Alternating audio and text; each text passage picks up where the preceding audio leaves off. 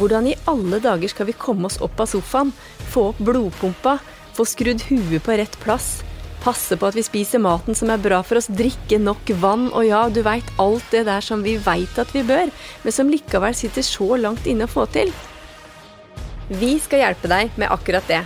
Eller i hvert fall lover disse to damene å gi deg oppskriften du trenger for å røre mer på deg, le mer og leve et bedre liv. Hei, jeg heter Kari Hvitstein.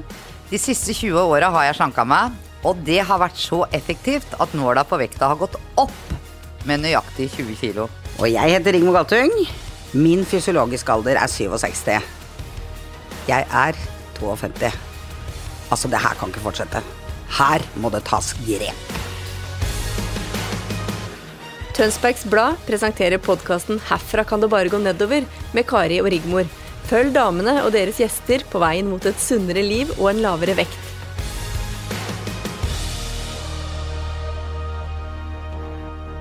Ja, ja, hei, hei, hei igjen.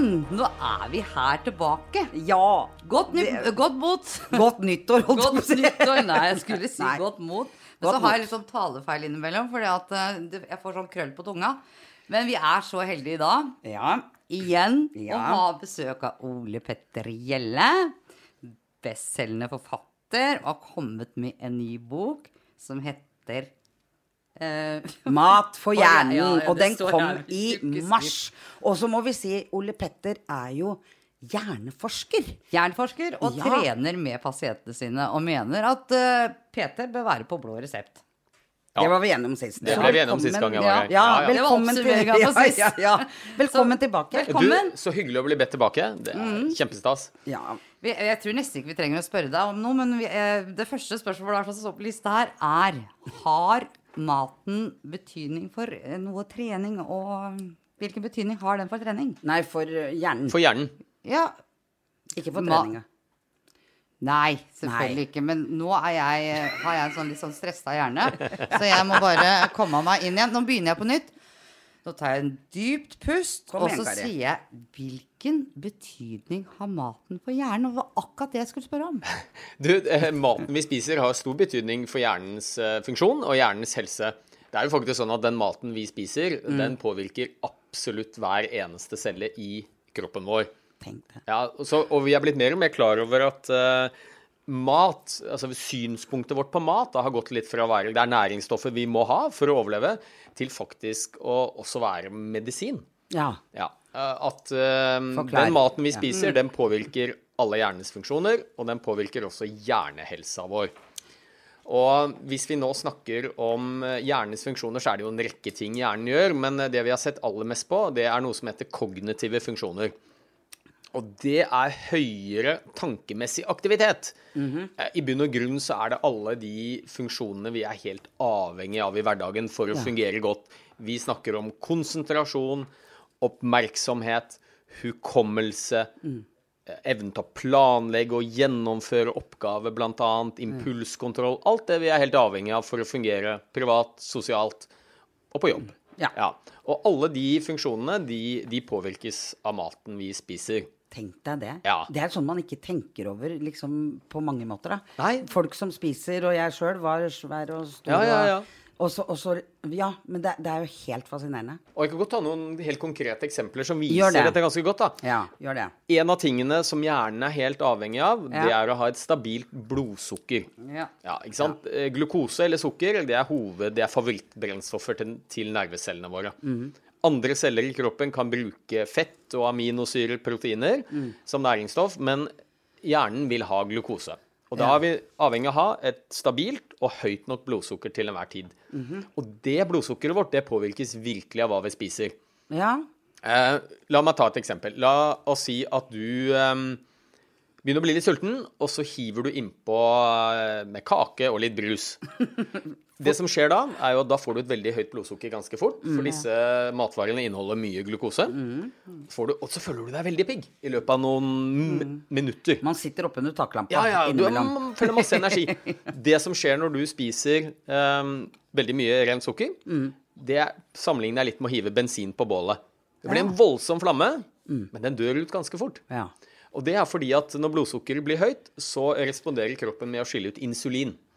Og insulin sin hovedoppgave er å frakte sukkeret vekk fra blodbanen og inn til cellene dine.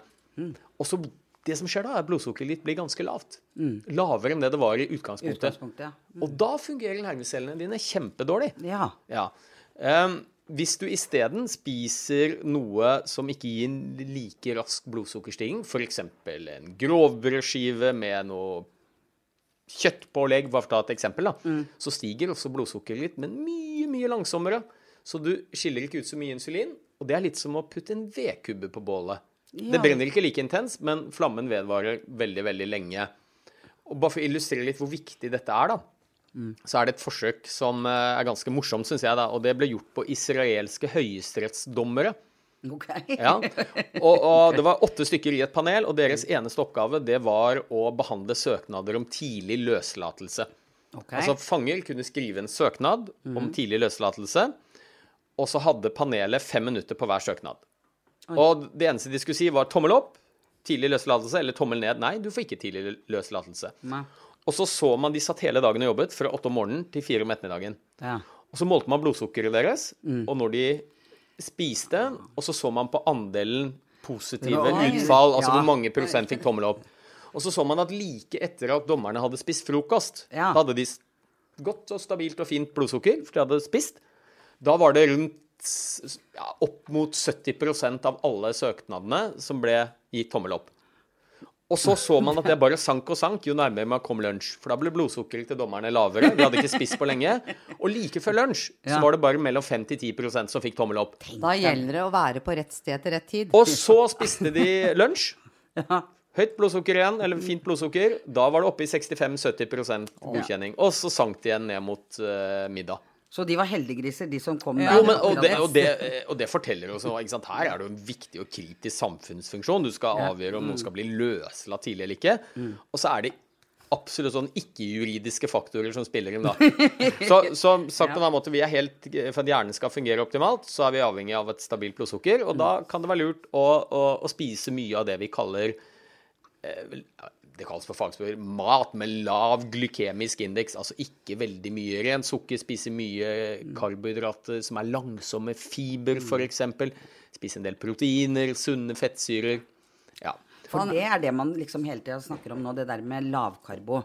At karbohydrater Vi trenger jo Det er sånn som jeg var før. Å, jeg må ikke ha karbohydrater, jeg må slutte med karbohydrater. Men så sa treneren vi skal jo ha det. Karbohydrater er essensielt for oss, og det Bensin. trenger vi. Men, og det har fått et ufortjent dårlig rykte.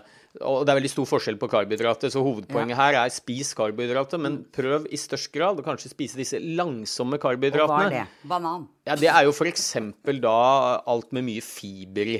Ikke sant? Grovbrød, eh, det er belgfrukter, det er eh, pasta, gjerne fullkornspasta. fullkornspasta.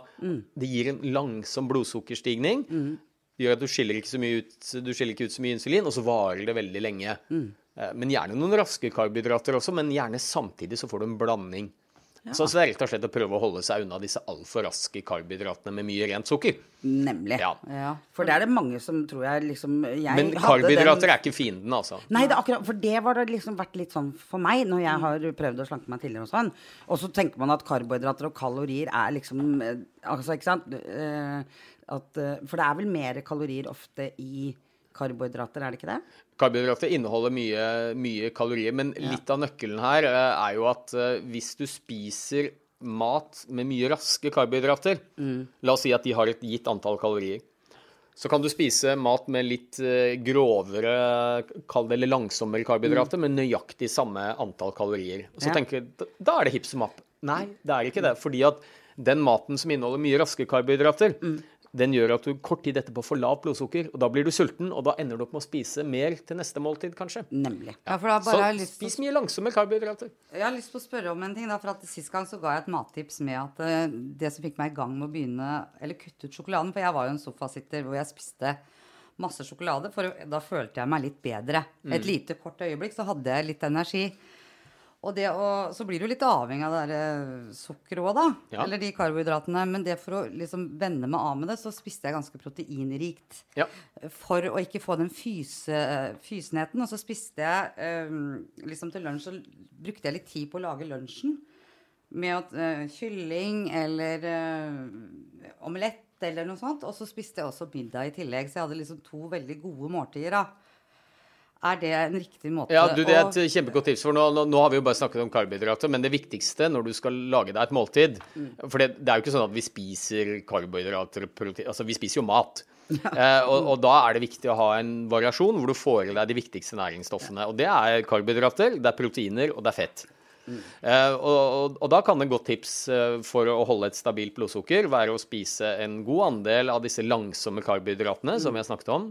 Prøve å få med en god, gode kilder til proteiner. Det kan være f.eks. Uh, magert kjøttpålegg, det kan være, ja, det kan være fisk f.eks. Ja.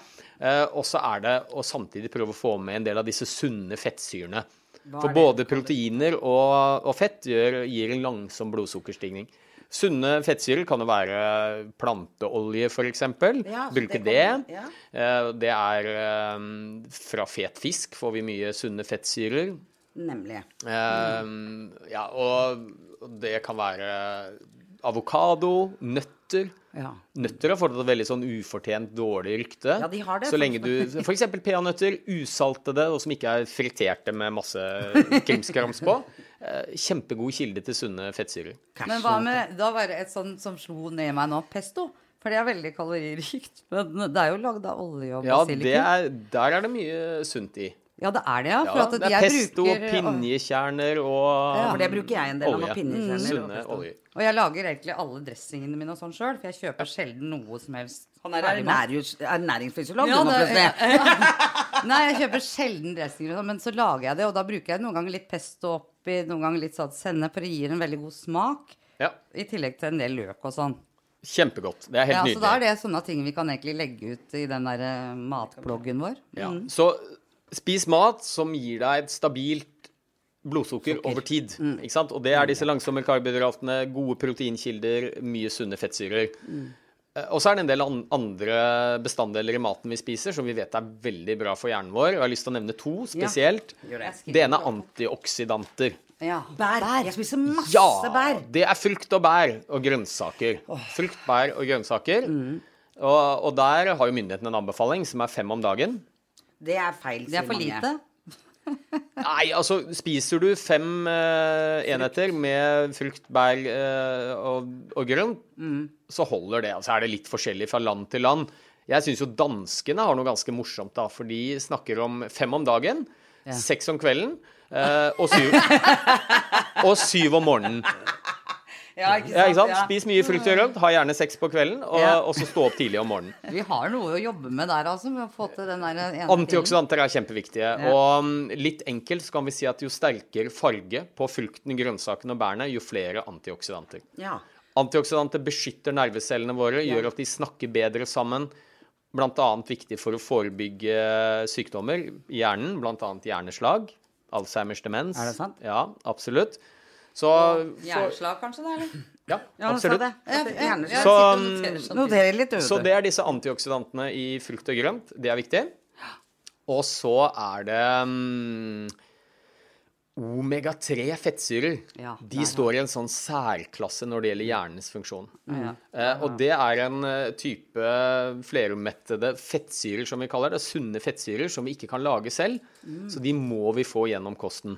Ja. Og de er kritisk viktige for at nervecellene skal utvikle seg normalt. De er viktige for nervecellenes funksjon, Ja. og de beskytter mot sykdom i hjernen. Blant annet hjerneslag, eh, Alzheimers demens. Vi vet de er, er viktige for å faktisk forebygge mentale lidelser også. Ja. For omega-3 snakker man hele tiden om at eh, man tar omega-3. Det er så mange, men jeg har tenkt sånn Jeg er det så Ja, og du må jo Altså, det aller beste, og det er jo sånn generelt, da um, Hvis du spiser et variert kosthold, Mm. eksempel følger det Helsedirektoratet anbefaler, og du er frisk ellers, Mm. så er det ikke behov for tilskudd. Det er ikke det? Nei, altså vi suger opp og tar til oss næringsstoffer fra mat mye bedre enn fra piller. Så det er det ene. Det er noen få unntak. Kan jo bare nevne de, da. Det er anbefalt at vi tar tran på vinterstid. Ja. Og det er for å få nok D-vitamin. Det er kritisk viktig for oss, bl.a. Ja. for eh, mental helse. Og i og med at vi bor så langt nord og det er lite sol, sol er viktig for å lage Ja. D-vitamin i tillegg til kosten, så anbefaler vi å ta D-vitamintilskudd. Kan det være med f.eks. Nå sa jeg jo sist du var her at jeg har en bipolar lidelse med depresjonsuttrykk. da. Ja. Eh, altså, Kan det være sånn at jeg går til legen og så kanskje jeg mangler D-vitaminer? Kan det ha Det kan være. Så jeg, så jeg tenker det, er, det kan være greit, iallfall hvis du eh, ja, Jeg vil faktisk si det at hvis du merker at det skjer noe med humøret ditt, og, og kanskje spesielt på vinterstid Det kan være flere årsaker til det. altså Det er Ja mørkt og man er mye inne og, Ja. og, sånt. Men så, så kan det være en idé å gå til fastlegen og få sjekket D-vitaminnivået. For vi ser at inntil 40 av nordmenn um, har for lite D-vitamin på vinterstid. Ja. Uh, og vi vet at for lite D-vitamin kan være en trigger, eller iallfall en utløsende årsak til depresjon, blant annet. dette syns jeg er interessant. Ja. Det er interessant, altså. Så, Ja, mm, det er det. ja, så Og så er det gravide må ha tilskudd. De skal ha folsyre, blant annet. Mm. Og så er det noen som har veldig kraftig menstruasjon, som kan ha nytte av jerntilskudd. Men i bunn og grunn, Mm. spiser du variert og er du frisk, så trenger du ikke noe tilskudd utover det jeg har nevnt. Nei. Jeg, jeg har stadig gått på en smell med jernmangel, D-vitaminunderskudd og, og sånne ting. Så det er liksom egentlig blitt litt vant til at jeg må være flinkere til å huske på, da. Ja, og, så tenker jeg hvis du har en mistanke om at du ikke får i deg nok næringsstoffer via maten du spiser, eller kanskje har noen sykdommer, så gå til fastlegen din og få sjekket vitaminnivået ditt før du eventuelt begynner med tilskudd. Um, Men det for- merker jo nå, når jeg, når, fordi det er livsstilsendring vi holder på med, ikke sant. Så jeg Ja. tenker Jeg slanker meg ikke nå, selv om jeg har gått ned 25 kilo. Så føler jeg ikke at jeg er på slankekurs sånn som jeg har gjort før. Nei, så bra. Ja, nei, virkelig ikke. For jeg tenkte det er jeg så ferdig med. Ja. Du går ned, og du går like fort opp igjen. Ja. Så tenkte jeg nei, men nå må jeg bare spise annerledes. Spiser ikke noe særlig prosessert mat. Spiser Nei, ren mat. Masse frukt og grønnsaker. Og da eh, kjenner jo jeg også på en måte, som du sier, da får man jo i seg det man trenger, sånn stort sett. man da- gjør det. Ja, Ja. ikke sant? Så man trenger ikke å være så opptatt av eh, alle disse herre ja, å få det utenfor, alt. Nei da, du, det er i beste fall uh, bokstavelig talt penger i dass. Fordi vi, fordi vi skiller ut overskuddet ut Ja. gjennom urin og avføring. Ja. Um, og i verste fall så kan jo for mye tilskudd av en del vitaminer annet, kan faktisk være helseskadelig. Mm. Ja, så derfor pleier jeg å si det aller beste er å få det gjennom maten. Hvis du spiser et strengt vegansk kosthold eller lignende, da må du ha tilskudd. Men Mm. gå til fastlegen din, få noen råd. Så um, nå har vi vært innom stabilt blodsukker. Mm. Vi har vært innom antioksidanter. Hjelper det for stressa hjerne òg, forresten? Som spurte jeg om det? Nei. Ja, både antioksidanter og, um, og spesielt kanskje omega-3-fettsyrer kan være Mm. med på det og redusere stressnivået, faktisk. Mm. Men hvis man spiser veldig feil mat, som du Ja. sier Hvis man spiser veldig sånne kjappe karbohydrater, man spiser masse sukker, man holder på Hva kan det gjøre med hjernen? Gjør det noe med hjernen sånn på sikt hvis man bare holder på sånn? Altså Hvis du spiser mye er Dårlig mat, hvordan definerer man det? Men, men hvis du spiser ja. mye junkfood, f.eks. Eh, og da har man sett i store studier på hundretusenvis av mennesker, hvor du på den ene siden spiser et kosthold som f.eks. er likt det Helsedirektoratet anbefaler, Mm. Og på den annen side så er det mer sånn junkfood-basert, mm. som jo store deler av den vestlige verden spiser. Ja. Så vet vi at én, det gjør noe med hjernefunksjonene våre. Altså Mm. vi får dårligere konsentrasjon, oppmerksomhet, hukommelse, humør av det. I tillegg så øker det risikoen for en del hjernesykdommer, kanskje spesielt hjerneslag. Men også det er sett en sammenheng med utviklingen av Alzheimers demens, for å nevne noe. Ja.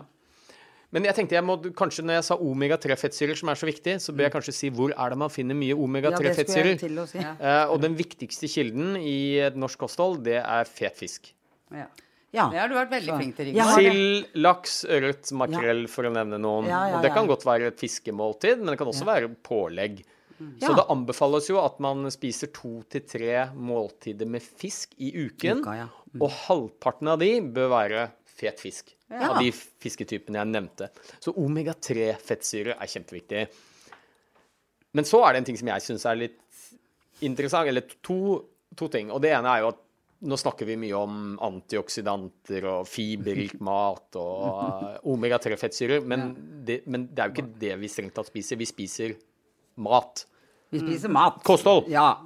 Eh, og så viser det seg at det er ett kosthold som har vist seg i forskning å være aller best for hjernen vår. Å, Ja. hvilken er det? Kom igjen! Det er det vi kaller et middelhavskosthold. Det er det jeg tenkte at det Ja. sikkert var det. Ja. Og hvorfor det? Ja, og det, og det er jo fordi at det inneholder vel, Blant annet så inneholder det veldig mange av de elementene jeg har snakket om. Det inneholder mye fiber. Ja. Det inneholder mye frukt og grønt med antioksidanter. Det er mye omega-3-fettsyrer. Ja. Det er veldig lite prosessert og ultraprosessert mat. Det er mye ren mat.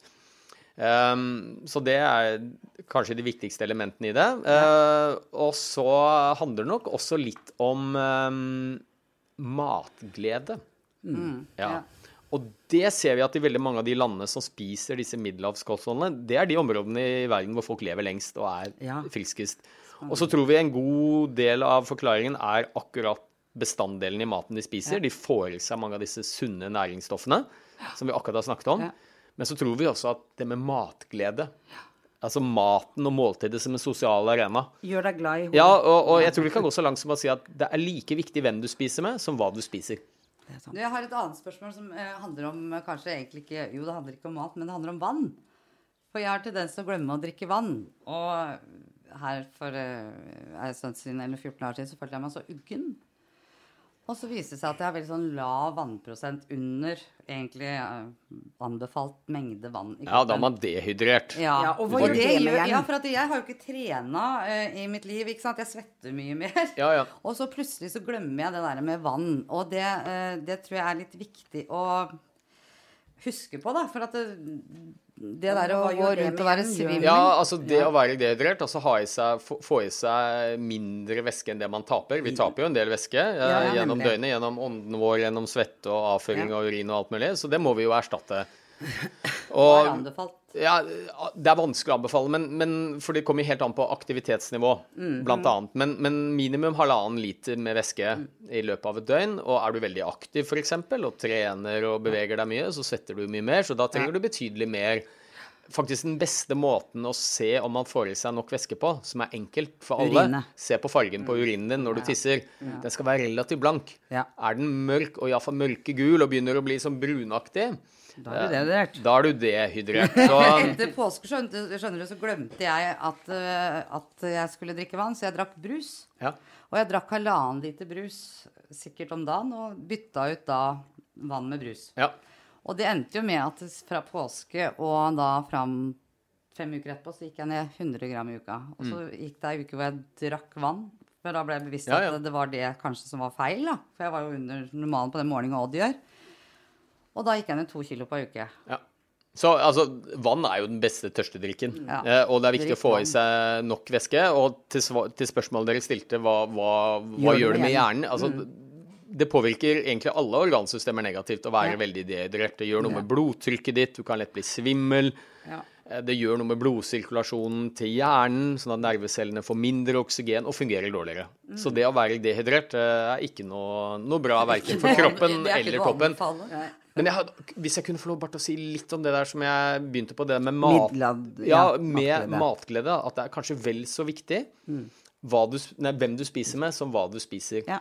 Og det er fordi at uh, når vi mennesker er sosiale, og, og mat er jo en, bør iallfall være en viktig sosial arena, så skilles ut masse kjemiske stoffer som styrker hjernefunksjonene våre. Så, og det er jo litt sånn i en travel hverdag, sånn som vi har i dag, mange av oss, så hiver vi oss mat på farten, og sjelden vi, sjeldnere og sjeldnere vi setter oss ned eh, for å spise et måltid. Så, så det er en av mine anbefalinger. Da. Husk at mat er en sosial arena. Spis mat med folk du trives med. Da betyr det at du og jeg må spise sammen hver dag. Ja, for jeg er alene. Det er jeg Hva gjør man Nei, da? det er ikke jeg. Nei, du har barn, men Jeg jeg barn. bor jo alene. Ja, da er det selvfølgelig litt mer eh, utfordrende. Men Ja. um, klart, i, i dagens digitale hverdag så kan Så man jo kan jeg- ha en digital middag også. Sønnen min, som bor, sønnen min som bor i Stavanger, vi kan jo ha middag hver dag, egentlig. Sammen. Og så er jeg litt opptatt også av å si at uh, i dag så er veldig mange opptatt av ikke sant, De skal ha det perfekte kosthold. Ikke sant? Veldig mange er opptatt av helsa. Så de skal ha perfekte treningsøkter, de skal ha et perfekt kosthold, de skal sove nok. Altså, de skal gjøre alle ting riktig. Og da pleier jeg bare å si at vet du hva, glem det. Det går jo ikke. Fordi at det er det ingen som får til. Nei, nei. Altså, ingen, ingen som klarer det. Så drit i det som er perfekt. Det beste altså, jeg, For eksempel trening, da. Mm. Den beste treningsøkten, det er den du får gjennomført. Ja. Og det beste Det er og, godt du sa. ja, og, og jeg tenker det er litt viktig også, fordi at nå kan vi snakke veldig mye om mat som er veldig sunn. Mm. Men et sunt kosthold har også rom for utskeielser, med litt kaker og brus og ting som er usunt også. Ja. Um, og det um, Bare ikke hver dag. Nei. Ikke hver dag. Og så er det en ting til som jeg har lyst til å si litt om, og det er fordi jeg får mange pasienter som sier til meg Ja, men jeg har jo lest om alle disse kostholdsrådene, den maten som er sunn med frukt og grønt og fiberrikt og antioksidanter med her og Ja. omega-3-fettsyre med der, men må jeg virkelig spise mat jeg ikke liker Ja. for å holde meg sunn? Mm, for det er litt samme som du sier, trene gjør, som du sa sist, tren med noe du syns er gøy. Ja. Og det er kanskje noe samme Ja, og, og da er det et veldig viktig poeng, da. Og det er jo at disse smaksløkene vi har på tunga, Mm. eh, de er veldig tilpasningsdyktige. Mm. Så smaksløkene lærer seg til å like den maten du får. Det er veldig Og det kan jo er være spesielt viktig kanskje med barn da, som man skal oppdra, ikke sant? som sier 'nei, den maten liker jeg ikke'. Ja, Kari. Eh, og sånn er vi alle sammen. Eh, Hvis du spiser mat en liten stund Mm. som du kanskje i utgangspunktet ikke er din favorittmat, så vil smaksløkene tilpasse seg. Mm. Og et godt sånn praktisk eksempel på det, eh, det er jo da jeg vokste opp, Mm. så um, var det jo bare H-melk i eh, butikken. Ja. Og jeg drakk jo H-melk, syntes det var kjempegodt. Og så ble jeg litt eldre, og så kom lettmelk, Lettmelk, på, i butikken. Og så kom skummetmelk etter hvert. Ja. Og mine foreldre kjøpte jo det, for de ville være sunne. Ja. Og og så måtte jeg da som ungdom begynne å drikke skummetmelk. Jeg syns jo det smakte helt Det var bare vanlig skvip. Ja, men helmelk, det er jo ikke farlig å drikke. Nei da. eh, Men, men, men, men, det, men det er ikke hovedpoenget her. Men hovedpoenget er at um, når jeg hadde drukket skummetmelk en stund, så syntes jeg jo det var kjempegodt. Ja, og i dag så drikker jeg bare skummetmelk. Og hvis jeg i dag skal prøve meg på H-melk, Så så syns jeg det smaker fløte og Ja, er fryktelig. nemlig. Så vi lærer oss til å like den maten vi spiser. Ja, og det har jeg merket. For jeg var ikke noe særlig glad i salat. Nei? Og ikke noe særlig glad i grønnsaker, egentlig. Og så nå syns jeg det er så Det er, det er deilig. Ja. Og, ja, og det, så, og, så det har jeg merka når du sier det nå. At det, det er jo det det er, da. Smaksløkene mine har rett og slett tilpassa seg. Ja. Mm. ja, for at jeg lærte meg å like det, for jeg har jo slanka meg flere perioder av livet. Og Ja, ja. det- Den 20-årsalderen, da slanka jeg meg når jeg nærma meg 25. Mm. Gikk jeg det 10-20 kilo, og da lærte jeg meg å like grønnsaker. Men jeg har en utfordring, for jeg har en sønn som egentlig er ni år, og som egentlig ikke vil ha noe annet enn gråbrødskive med falukorv. Og det er eh, skikkelig kjipt for jeg som lager alle disse nydelige Ja, ja, ja. rettene. Og han vil ikke smake på noe, egentlig. Så nå har det blitt sånn at jeg lager liksom det til meg, så får han ofte brødskive med falukorv. Men så kom han hjem, da hadde han vært hos, eh, på besøk hos noen venner. Og så sier han 'Mamma, nå har jeg begynt å like hamburger'. 'Mamma, nå har jeg begynt å like indrefilet'. Det var kjempegodt, for han, der smaker den, men hjemme så vil den liksom ikke smake. Nei, men det, det er jo helt typisk. Jeg har også små barn. En femåring, han vil bare ha pasta, han. Ja. Uten noe på. Kanskje Ja, litt ketsjup. Og så alt annet vi prøver, det vil Ja. han ikke ha, for det liker han ikke. Nei. Men så heldigvis er det noe som heter barnehage.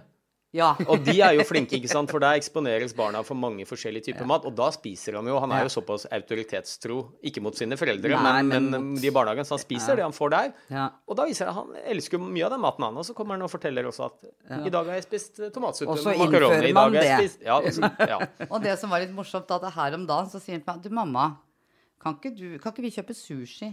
Hæ? Sushi? Liker du sushi? Ja. Han hadde smakt sushi et eller annet sted, så jeg måtte til byen og kjøpte sushi.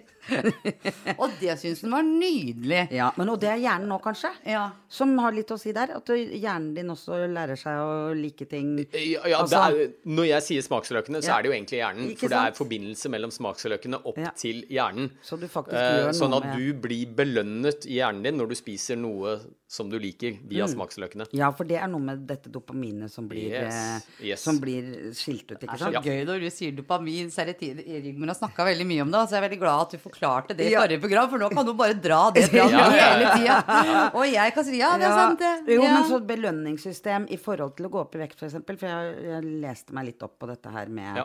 med, med vektoppgang og det med hva man spiser, og at det er mye belønning i mat.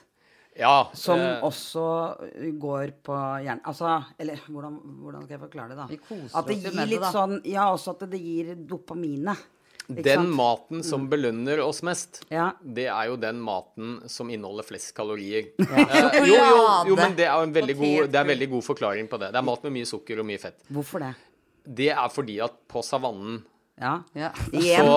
Så, så var sult den største trusselen mot overlevelse. Og da var det jo veldig fint at når våre første forfedre ble sultne, så fikk hjernen deres lyst på den maten som inneholdt flest kalorier. For det ville jo holdt dem i live lengst mulig. Så vi er genetisk kodet til å elske mat med mye sukker og mye fett. Ah, Og det gir en massiv dopaminutskillelse. Det er et signal til hjernen om at det du gjorde nå, det er bra for deg. Det må du gjøre mer av. Da får du mange kalorier. Da overlever du til du finner neste måltid. Og litt av ironien her er jo at det var livreddende for våre for, første forfedre. og det det Det tar livet av av oss i dag. Ja. Og det er jo fordi vi har fri tilgang til kalorier. Ja. Og med det gode tipset der, så blei det oppsummeringa faktisk i, i dag. Dette her at det tar livet av oss, rett og slett maten. Kan gjøre det, ja. Kan gjøre det. Og Hvis vi du må da ikke har et rett og slett uh, finne nye matvarer. Og uh, matvaner Jeg er litt sånn rar i Du har hatt to slag, Kari. Du får unnskylde Og deg med litt sånn der utbrent og stressa hjerne og sånn. Men det, det hjelper på. Det er bare å ta seg en joggetur, har jeg hørt. Så forsvinner det. Og så spise litt fiber. Og spise litt fiber. Du, jeg har et lite tips. ja. Et lite sånn tips på slutten. Et mattips. Mm. Som kanskje passer inn i middelhavsdietten. Da kan du si om det er greit eller eh, ikke, eller om det passer inn, da. Det er et nøttebrød som jeg kjøpte på Tjøme kolonial. Oi, oi, oi. Som er sammensatt av veldig veldig mange forskjellige nøtter. Vi har bilde av det på vår Instagram-profil. Ja, vi fikk det hos deg. Det var Ja, og Grovt eller fint? det, det er grovt, det er ikke mel i det. Nei. Det er uh, forskjellige ulike nøtter. Jeg kan legge ut den derre um, eh, Legg det ut. Legg det ut. Det er linser, det er alt. Så hakker du det pistasjenøtter, hasselnøtter, mandler. Og det brødet er så godt. Ja, men du, Det er kjempebra. Og det som jeg sa i sted, nøtter har litt sånn ufortjent dårlig, rykte. Mange tenker at det er usunt, men det er utrolig mye Det er proteiner, og det er masse sunne fettsyrer som hjernen eh, trenger, som er bra. Mm. Og så er det godt, ikke sant? Så hvis du skal belønne deg sjøl, så ta en neve med nøtter, da. ja, er, Eller et nøttebrød. ja, det er viktig å spise mat vi liker. Ja. Absolutt. Du, du kommer igjen, eller? Jeg kommer igjen. Jeg ah, tror herre, nesten vi må moro. det, altså. Ja, Jeg- det- vi, vi, vi det kunne sitte her hele dagen, Ja, Rigmor. og så vi får jo liksom Dette blir nesten sånn der terapitime for Ja, oss. ja, ja, vi har masse mer å snakke om, både med huet og med hjernen og med viljen og alt. Ja, det, jeg, det, det kan bli neste tema. For at det her er det Du sa jo liksom eh, Mat og trening og alt dette her hjelper på konsentrasjon, oppmerksomhet, hukommelse, impulskontroll, kreativitet. Og det har emner ikke vært innom ennå, Ja, nemlig. Vi har ikke det, vet du. Men man tilbake. blir mer kreativ, ikke sant? Mm, vi, har, vi, har, vi, vi tar det neste gang. Ja, Når kommer men- du igjen, da? Bare inviter meg, så dukker jeg opp. Yes! Ja. Så står vi plutselig på døra di hjemme. Da tar vi sånn privattime. Nå sier vi sjalabais. Sjalabais, og takk igjen, Ole Petter, for at du kom. Tusen takk for Ja. meg. Veldig gøy.